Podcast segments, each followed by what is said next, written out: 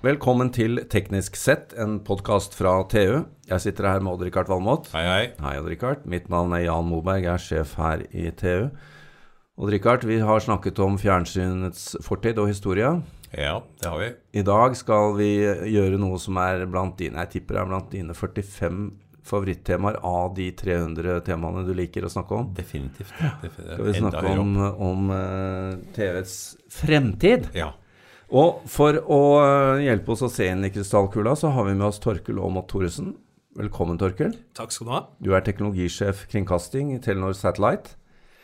Og hvor, hvor Et par ting jeg lurer på. Hvor står vi nå, og, og hva kommer til å skje? Ikke sant? Nå har vi flate, lyssterke TV-er i stadig større format, og det er 4K Altså, først og fremst, hvor står vi? Eh, Hvor, hvor langt har vi kommet, og hva er neste steg? Hvis vi ser på hva som sendes av TV i dag, så er det i hva vi kaller HD-TV, som befinner seg i to versjoner.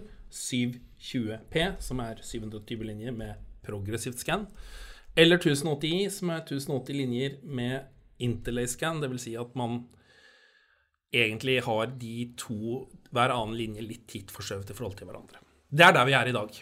Men hvis du går på Elkjøp eller Ekspert eller Lefdal, så finner du en helt annen virkelighet. For der selger de ikke mye HD-TV lenger. Der selger de det de kaller 4K-TV-er. Flertallet av modellene de selger, store flertallet, er hva de kaller 4K-TV-er.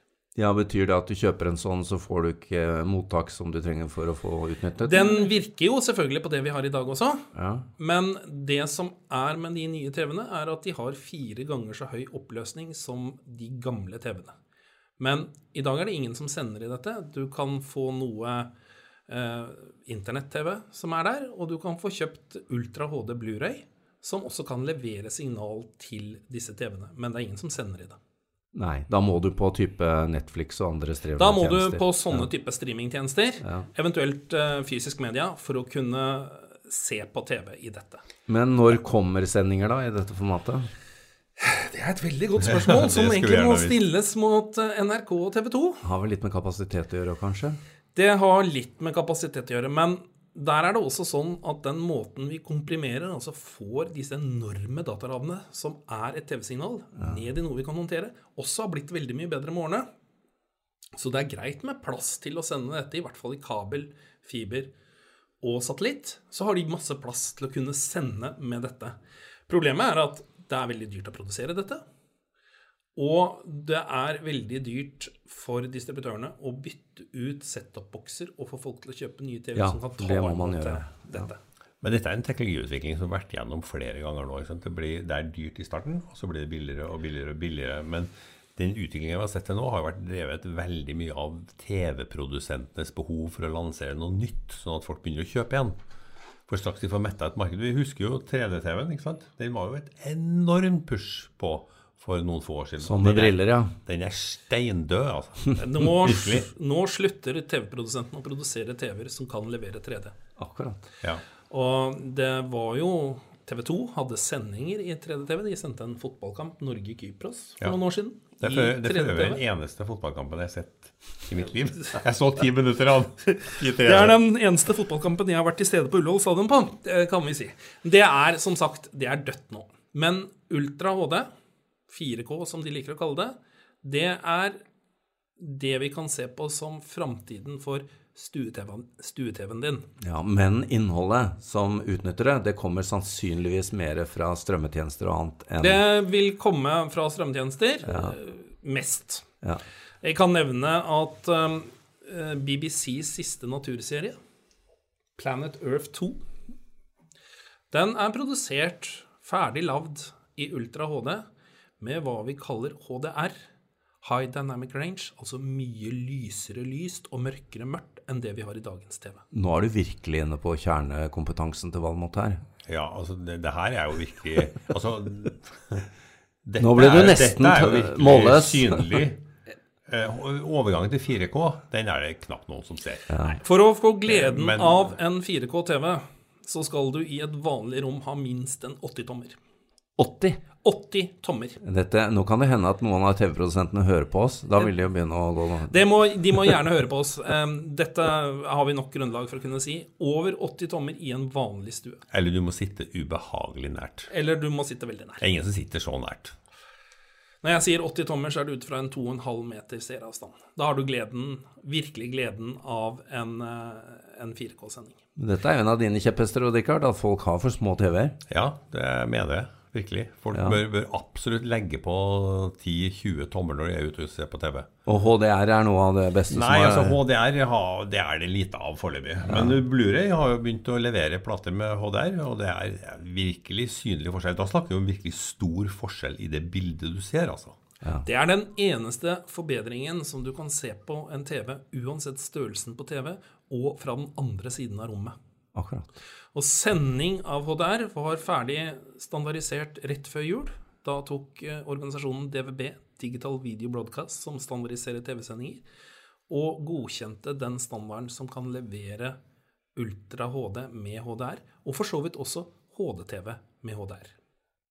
Men er det sånn nå da at dette er et sånt Er dette et stort sprang i TV-teknologien vi snakker om her nå, eller er det, er det bare på den samme rette linja?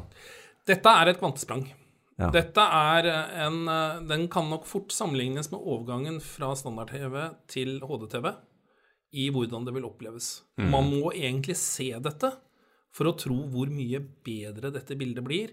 Hvordan du, når du har en scene som inneholder sol og himmel og litt mørk bakgård, faktisk ser sol og himmel, og ikke bare en utbrent hvit flate. Men det krever jo også mer eh, bitrate for de som skal sende signaler. Det er mer detaljer, både i svart Hele, og i hvitt. hele verdikjeden må, må være klar. Ja. Større fargeoppløsning, eh, bedre dynamikk. Ja. Stor forskjell, altså. Men nå kommer vi jo eh, eh, til eh, Er ikke det i april det er eh, en stor sånn eh, sak borti Las Vegas? NAB. NAB er en stor kringkastingsmesse som er i Las Vegas i USA hvert år. Ja, og der må jo dette smelle nå da om et par måneder. Det har smelt i flere år på kringkastings, for kringkastingen har forberedt seg på dette lenge. Akkurat. ja. Men uh, CS, som er den store konsumentmessa, der var det mye snakk om HDR i de forskjellige versjonene På brukerutstyret, ja. ja, på brukerutstyret. Eh, Når det gjelder sende produksjonsutstyret, så er det for så vidt klart. Men Akkurat. noen må grave fram litt penger og investere litt og lære seg å bruke det. Men det har jo vært en standardkamp nå opp til nå, da.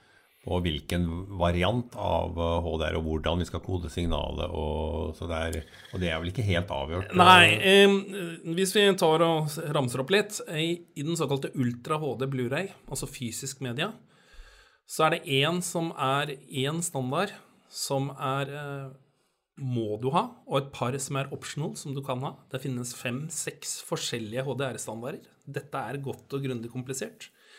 På TV-sendinger så har de stoppet på to. Den store forskjellen mellom disse for vanlige forbrukere er at den ene er bakoverkompatibel. Det betyr at selv om du har en gammel 4K-TV, så kan du se det nye signalet, men du får jo selvfølgelig ikke gleden av den lysstyrken som er der sånn. Den andre standarden er ikke det. Da må du ha hele verdikjeden på nytt. Og da snakker vi om å kjøre den gamle, den nye TV-en på gjenbruk. Ja, det, Ja, det, du snakker om å kjøre den nye TV-en på gjenbruk. Litt verre for å få introdusert dette her er at kringkasterne må kjøre produksjonskjeden sin på gjenbruk. Ja. Så det blir relativt fullt. Uh... Men det er jo interessant. Altså nå, nå har jo utviklingen av eh, TV-teknologi vært veldig mye sentralisert rundt at det har vært lineær-TV. Eh, De siste årene så har jo kildetilfanget vært eh, mye større på streaming og ja, kanskje spesielt dette med strømming, da. Og det, det hva, hva mener vi om det? Altså, det må, blir jo en stadig større del av seerens bruk. Det er vel en, en sånn passe fordeling mellom de to. Altså Sport og nyheter og sånn passer veldig godt lineært. Og alt det andre passer vel så godt på strømming. Ja, men det vil komme mer innhold da som har Mer innhold på som, har, ja. som er kompatibelt med utstyret du kjøper. da. Ja da. Ja. Og, og så er det jo sånn at sånn som Netflix, de kan jo kode for de ulike standardene.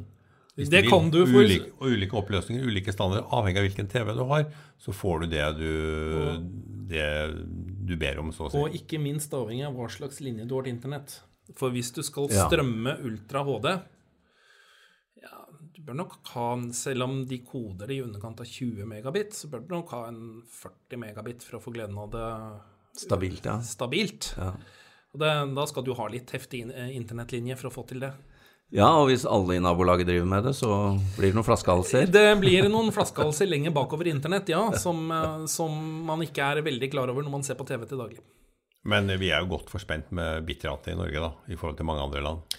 Men hvis vi skal se enda litt lenger framover om, Og det skal vi jo. ja, om et par år så kommer det som vi kaller for high frame rate, hvor vi øker antall bilder per sekund fra de 50 vi har i dag, til 100. Ah, Og det er veldig interessant for ting som sportssendinger. ja, hvordan vil det oppleves? Det vil oppleves på en litt forunderlig måte, fordi at vi har et hode som er forberedt på at uskarphet er hastighet. Ja. Plutselig så blir den eh, fotballøperen Han blir skarp. I hvert fall skarpere. Da ser det ut som han beveger seg saktere. Det er litt pussig, men det er en effekt rundt dette. Den er ganske morsom å se på. Men fotballkamper, sport, all bevegelse kommer til å bli skarpere der. Ja, og oppleves litt saktere? Ja, når jeg sto og så på for noen år siden på en demonstrasjon hvor de sendte 50 hertz kontra 150 hertz, hekkeløp. Ja. Og hekkeløperen på 150 hertz, han så ut som han gikk i slow motion, men han gikk jo like fort som den andre. Men det er fordi at mitt hode, etter 50 år med TV-titting, er vant til å tenke uskarphet er lik hastighet. Tenk de gamle tegnefilmene Bippe Stankelbein. Hver gang han skulle løpe, så forsvant beina i to, riktig. i Ja. to virvler. Ja. Hvis vi ser enda litt framover Hvis vi ser ja, ikke så veldig langt Vi kan se til OL i Japan i 2020. Der har den japanske regjeringen bestemt at OL i 2020 skal produseres og sendes i den standarden japanerne kaller 8K. Som er fire ganger så mye oppløsning som vår 4K. Som er 16 ganger så mye oppløsning som det vi har som HD-TV i dag. Og som ingen kan se med mindre enn en 160 dommers TV. Så du sitter eh, Altså, hvis vi tar det sånn, Odd. Den største TV-en du kan dytte inn i et norsk hjem, den er to meter høy. Ja, noe sånt. Ellers så får du den ikke inn døra. Nei, det gjør ikke det. Den to meter høye TV-en har en ideell seeravstand som er halvannen meter. Det blir ganske plagsomt. Det blir veldig komisk å se på, da, for det er hva vi er vant til. eh, Ja, og da ser du, da ser du ikke ut i periferien på TV-en. Nei. Og det, det, Da er du inne i sendingen. Da er du de inne i hadde sendingen. prøvesendinger i dette allerede under London-OL uh, i 2012. Da hadde de prøvesendinger i 8K. Nei, det, det ble latterlig. Jeg dro og så på det. Jeg var i England og, og så på det, og du satt altfor nær til at det var behagelig. Ja. Men litt tilbake til det her med high frame rate. For at vi har jo blitt eh, Vi har jo hørt at TV-en har 100 hertz og 200 hertz og 400 hertz og 800 og 1200 hertz er det høyeste jeg har sett. Det er jo interpolasjon og lurium. Det er interpolasjon. Det betyr at de tar de 25 eller 50 bildene i sekundet, og så beregner de en masse bilder imellom. Problemet er at de 25 eller 50 bildene i sekundet er tatt på et femtiendedels sekund. Og det er tatt over en viss tid, så bildene blir ikke skarpere enn dette.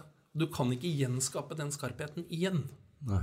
Så når du kommer ned og får en framerate som er 100 ganger 100, så er jo da 100-dels sekund du tar det bildet på. Du får en mye kortere. Alle som har tatt bilder, vet jo at jo kortere eksponeringstid, jo skarpere blir bevegelser. Akkurat det samme vil være her. Men det er veldig forvirrende for vanlige folk. Er de sier jo at 'jeg har jo 100 hertz TV, hva skal jeg med 100 hertz sending da?' Ja, Men da må vi skille mellom hva TV-en viser deg, og hva det materialet du får inn, er. Det er den skarpe skillet der vi må ha klart for oss. Det høres ut som det er, eh, om det er grobunn for en sånn der eh, Noen hjelper deg med å kjøpe TV. Altså ring inn og få råd. For det er jo ikke lett å komme til, eh, til butikken og skulle kjøpe seg TV. Nei, det har, Som- vi har vært der en stund, faktisk. Som en liten anekdote. eh, Jeg har jobbet med å- å skjønne de nye TV-standardene i noen år nå. Med å skjønne de forskjellige HDR-standardene.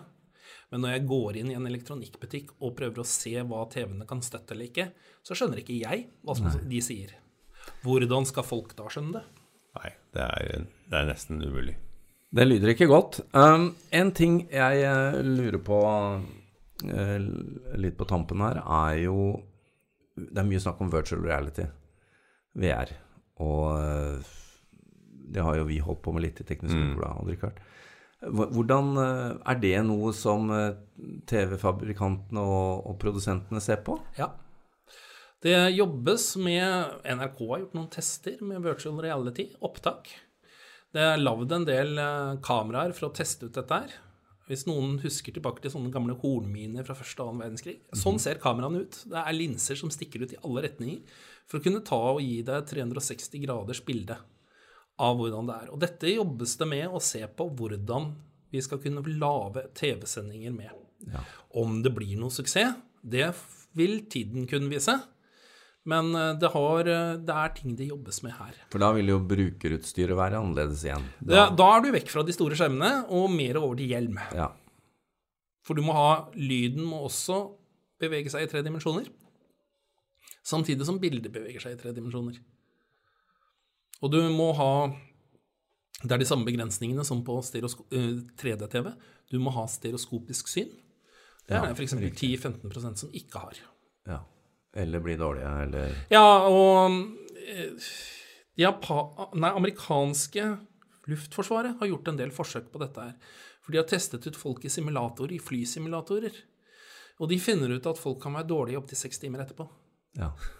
Når de har blitt utsatt for virtual reality i et par timer. Ja. Så det er sånne ting man må finne ut. Men det er jo ikke verre det enn at når vi ser Trump på TV-en. Vi er jo dårlige i seks timer etterpå, da òg, er vi ikke? Jo, det er enda verre hvis du får han i virtual reality, da. Men uh, dere, dette er superspennende. Et siste tips om fremtiden. Uh, Torkel, hva har du? Uh, fremtiden kommer til å være veldig delt. Fra at du sitter faktisk og ser på yndlingsserien din på telefonen, sånn som man gjør i dag, men hvor du også har en mulighet til å se en film eller en serie på en veldig stor TV. Og vil se hele spekteret der. Jeg tror ikke lenger på én TV-standard. Det vil være mange TV-standarder. Det vil være mange måter å konsumere TV på, altså bruke TV. Fra smått til stort. Veldig bra. Da eh, er det jo ikke noe annet å si Odd Rikard, enn at vi gleder oss til eh, det som kommer. Vi må snart i butikken, vi, Jan. Vi må snart i butikken.